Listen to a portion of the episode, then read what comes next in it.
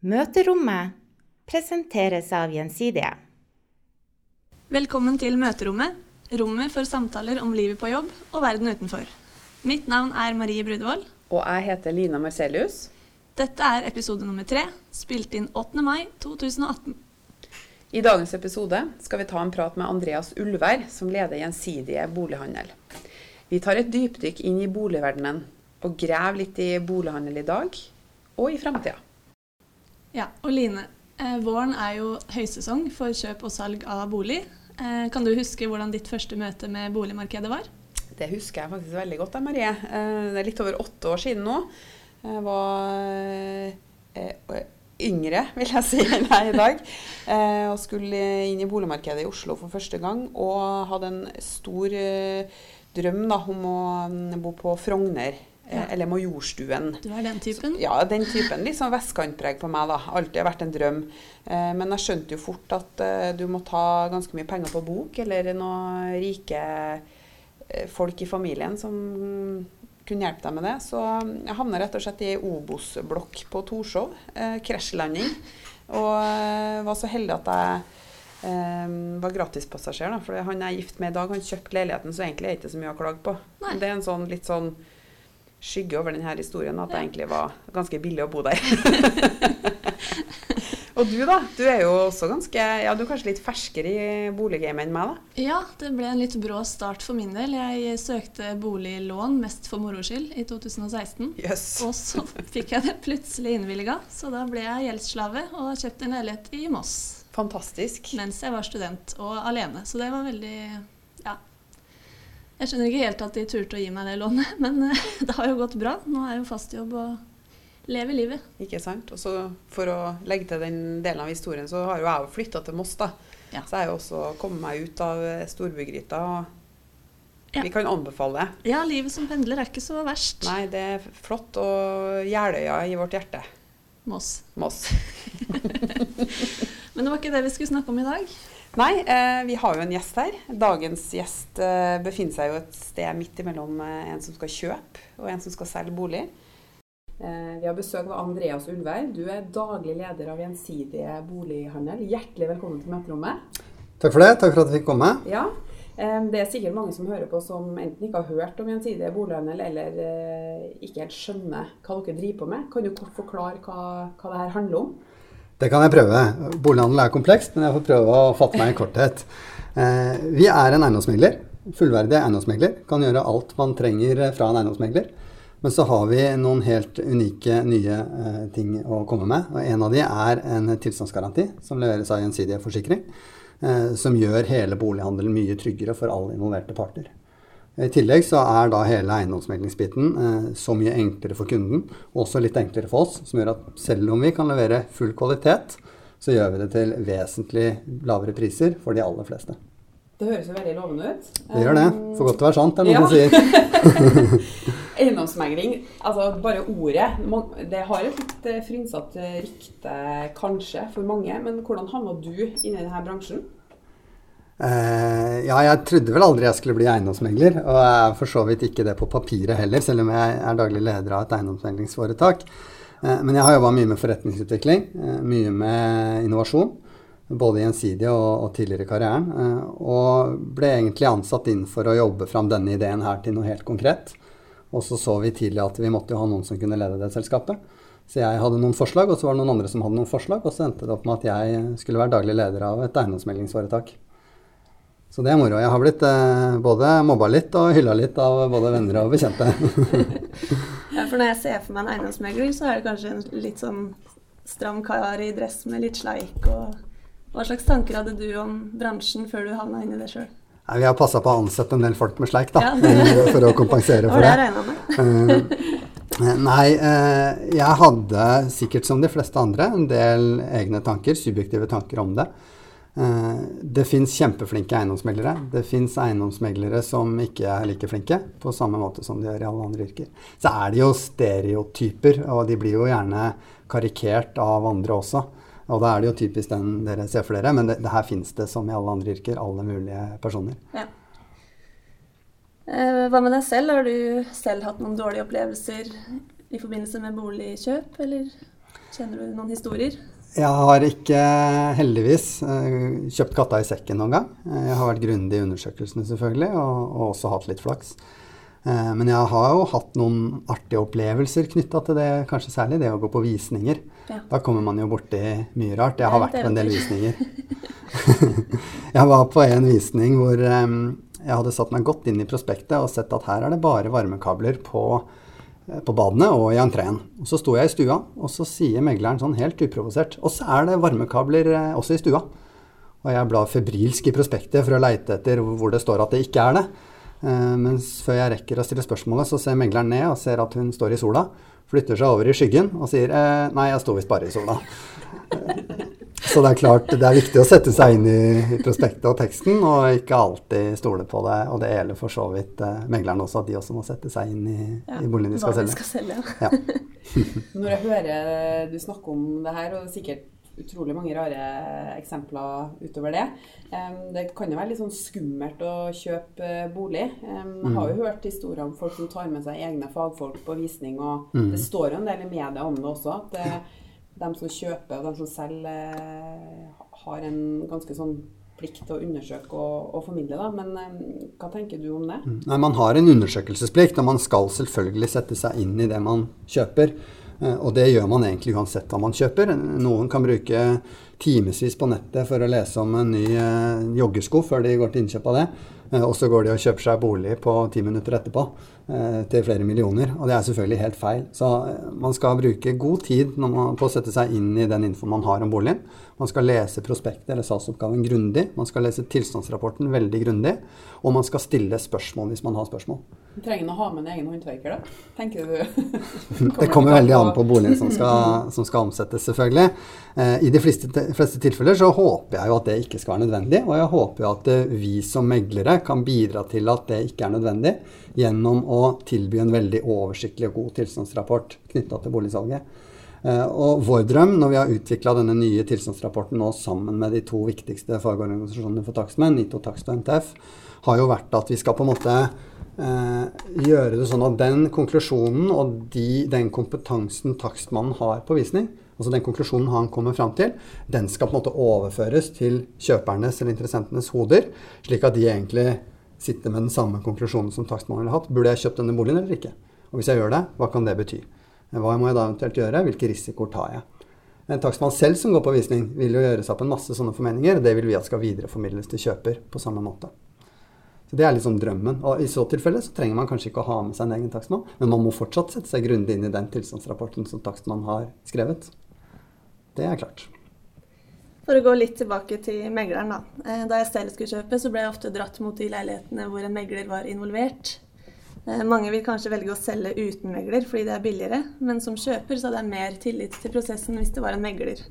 Eh, er ditt inntrykk at kjøpere er veldig opptatt av det med megling, eller stoler de på selger som privatperson? Har du noen tanker rundt det?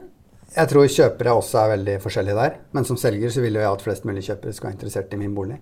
Og derfor så ville jeg nok valgt den typen omsetning som gjør at jeg ikke utelukker noen deler av markedet.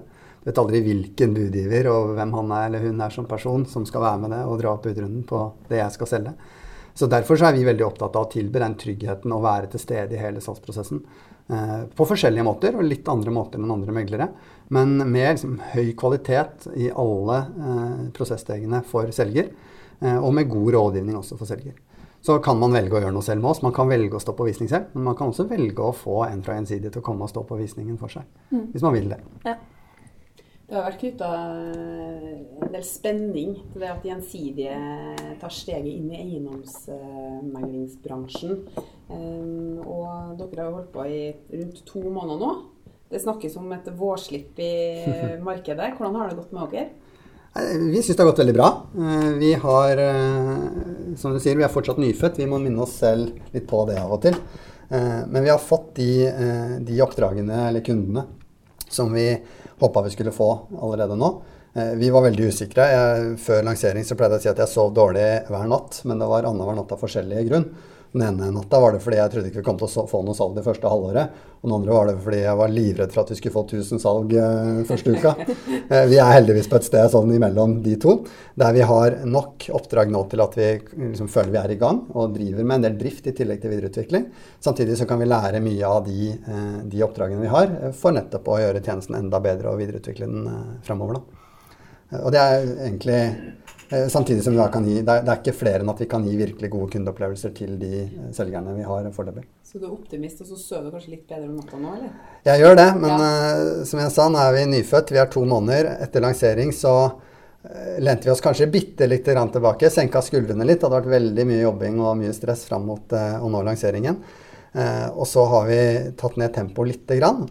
Mens nå ser vi at eh, ok, nå har vi lært mye på to måneder. Nå er det veldig mye vi har lyst til å gjøre uh, for å videreutvikle løsningen enda mer. Og da må vi bare brette opp armene og gi full gass videre. Du snakka litt om det at uh, denne tjenesten uh, gjør det enklere og tryggere uh, i bolighandelsprosessen. Jeg syns jo at eiendomsmeglingsbransjen er en underlig verden. Og da har jeg lyst til å snakke litt om språkbruk. Mm. I forsikringsbransjen så har vi jo jobba en del med å gjøre det vanskelige enkelt. Og det er stadig at jeg leser annonser som har sånn underlige personifiseringa av ting. Da. Jeg tar et par eksempler. Mm. Eh, hallen oppleves som varm og imøtekommende. Eller eh, toalettet er gjestfritt og innbydende, altså som om rommene har fått menneskelige egenskaper. Eh, hva tenker du egentlig om språkbruken i bransjen du har kasta deg inn i? Er det noe dere kan gjøre noe med? Har det noe, egentlig noe å si for salget, hva som står der? Det virker nesten litt sånn alle gjør det, så da er det på en måte greit. Ja, jeg tror det har noe å si. Eh, og jeg tror man skal bruke et selgende språk. Eh, men det skal ikke være kunstig overdrevet. Og som, som eksemplene du trekker fram her, de vil nok eh, like mange le av eller flire litt av og på en måte ta litt mer sånn useriøst. Og da skaper du ikke den tilliten mellom megler og interessenter, da, eller selger og interessenter, som man kanskje bør ha. Men selvfølgelig skal man trekke fram fordelene ved boligen. Og så skal man ikke være redd for også og trekke fram avvikene for å skape den tilliten og si at her kan det være noen ting. Det er dette, det vet vi. Resten kan du få en forsikring mot gjennom tilstandsgarantien. da. Ja, og språkbruk er jo en ting. Eh, styling en annen ting. Da jeg mm. solgte den siste boligen min på Torshov i Oslo, så fikk jeg tilbud om en sånn designpakke. Da kom det en stylist, og så så jeg liksom litt for meg ok, det her kunne bli bra. Og så fikk jeg noen eksempler på hva den stylisten hadde gjort før. Og da registrerte jeg at det var veldig mye sånn fargekoordinerte gjenstander. da, Limegrønne puter, limegrønne lys eh, osv. osv. Um, er det viktig, tenker du, med sånn boligstyling, eller kan, kan man liksom bare gjøre det sjøl? Det kommer veldig an på hvem man er selv. Eh, jeg har en samboer som har hjulpet meg veldig mye, og er veldig glad for det. Eh, jeg har tidligere også brukt stylingbyrå, faktisk, da jeg har solgt. Da var det en, en bolig som var litt eh, kanskje uortodoks styla, som det var viktig å lage mer mainstream-styling i. da. Eh, og her det, kommer det helt an på objektet og helt an på personen. Men igjen, jeg tror vi, i Norge så er vi kommet dit at uh, styling av bolig er blitt veldig viktig. Man har ikke lyst til å skille seg ut i negativ forstand. Kanskje for viktig. Uh, vi har sett eksempler, Det var et eksempel her i Lillehammer for ikke så veldig lenge siden, hvor de hadde uh, altså, servering av mat, lyssatt en bygård fra utsida, musikk Jeg tror det var en liten konsert på en visning. Og det er klart, Da blir det så voldsomt at du kanskje legger skjul på de viktige tingene å se etter de som er kjøpere, bør klare å se gjennom både konserter, eh, stylingfirma og eventuelt bollelukt og nye sengetepper, og se etter det som faktisk er der når de skal flytte inn. Og igjen, da er det tilstandsgarantien som er viktig. Har man spørsmål man kan sjekke ut sjøl fra den, så gjør man det på visning. Eh, og uansett prøver å få et inntrykk. Sånn som lukt står det, eller bør stå noe om det i tilstandsrapporten hvis det er en rar lukt. Man bør på en måte kjenne etter det f.eks. når man går inn i en bolig. da for å kunne plukke opp interessante ting om boligen. Så lukten av ferske boller er kanskje litt sånn ugler i mosen, da, tenker jeg? Kan være det. Ja. Kan være det. Den er i hvert fall sjeldnere når man tar over igjen. Eh, styling kan jo også gjøres digitalt. Jeg hadde f.eks. en fake flamme i peisen på prospektet da jeg kjøpte min. Det har alle. Flamme i peisen eh, og på stearinlys eh, pluss blå himmel. Det er det alltid ja, lov å legge til. Og det betyr at f.eks. i Bergen så har man sett eksempler på at eh, man ser utsikten fra balkong. Det er blå himmel, sol, kjempe, nei, ja, kjempefint vær på bildet, mens folk går med paraply i søledammene på bakken under. Så det kan se litt rart ut. Uh, ja, digitalisering har jo inntatt bolighandelen også, og det er mye som kan gjøres selv gjennom digitale løsninger. Vi har snakka litt om eiendomsmegleren. Tror du han på sikt er død? Nei. Nei. Det tror jeg ikke. Jeg tror eh, det er en så viktig transaksjon for folk flest at veldig mange fortsatt vil ha behov for god rådgivning. Det er en kompleks prosess. Det er en prosess man ikke gjør så veldig ofte. Eh, det betyr at eh, mange ja, vil rett og slett ha noen som kan leie det gjennom prosessen. Og så kan det skje digitalt, som du sier. Og det vil nok bli vanligere og vanligere. Men jeg tror fortsatt særlig en del objekter og en del personer vil uansett foretrekke å ha en, en fysisk megler de kan forholde seg til, også i framtiden. Så ser vi sånn som DNB nå, som vel eh, endelig beslutta å ikke gå 100% digitalt, og faktisk ivareta de kundene som trenger eh, noe annet enn digitale løsninger. Og sånn tror jeg det kommer til å være lenge i eiendomsmeglingsbransjen òg. Men jeg tror mange av prosessene kan gjøres digitale. Og jeg tror det er for mange meglere i forhold til objekter som selges i Norge nå. Så jeg tror det bør være flere omsetninger per megler i året. Eh, og at de sånn sett bør tenke på hvilke av sine arbeidstimer de kan effektivisere bort, som i alle andre arbeid eller andre stillingsbeskrivelser i verden om dagen. Svarte du litt på mitt neste spørsmål. Det er litt hvordan bolighandelen ser ut om ti år. Har du noen tanker om det, som med tanke på roboter, VR, betalingsmåter? Uh, ja, det er klart vi har det. Uh, vi, vi, har jo lyst til å være med å endre eiendomsmeldingsbransjen nå. Eh, og en av de tingene vi gjør, er de nye forsikringsproduktene, men også selve meglerprosessen prøver vi å gjøre mer kostnadseffektivt for kunden, samtidig som vi ivaretar trygghet og kvalitet for selger. Eh, jeg tror hvis man går enda lenger fram, så, så, er det klart det vil være mer teknologiske løsninger. Eh, nå har vi 3D-foto som gjør at man kan gå rundt i boligen som man er i Google Street View. Med alt mulig sånt vil komme. Stilig. Man vil kunne få fuktmålinger automatisk inn i veggene gjennom Internet of Things, devices, sånne type ting. Jeg tror at kanskje framtida for bolighandel eh, i tiårsperspektivet er selvfølgelig uvisst. Men det er mulig å tenke seg at man kan, i tillegg til å levere en tilstandsgaranti som jo kjøper skal sette seg inn i, eh, og en tilstandsrapport, at man kan levere en form for vedlikeholdsplan for boligen. Dette er det vi, basert på våre undersøkelser, mener du bør gjøre framover. Og kanskje til og med også knytte tjenester til det. Litt som serviceavtale. Da blir man plutselig en del av et økosystem rundt det som handler om å eie og omsette bolig. Kanskje man til slutt også har det litt sånn at boligen på en måte alltid er klar til salg. Og at man kan bare switche om en bryter, og så ligger annonsen ute. Men det er klart, da må man passe på å ha oppdaterte bilder osv. Så, videre, da. så det, det, er nok litt sikkert fram til dit.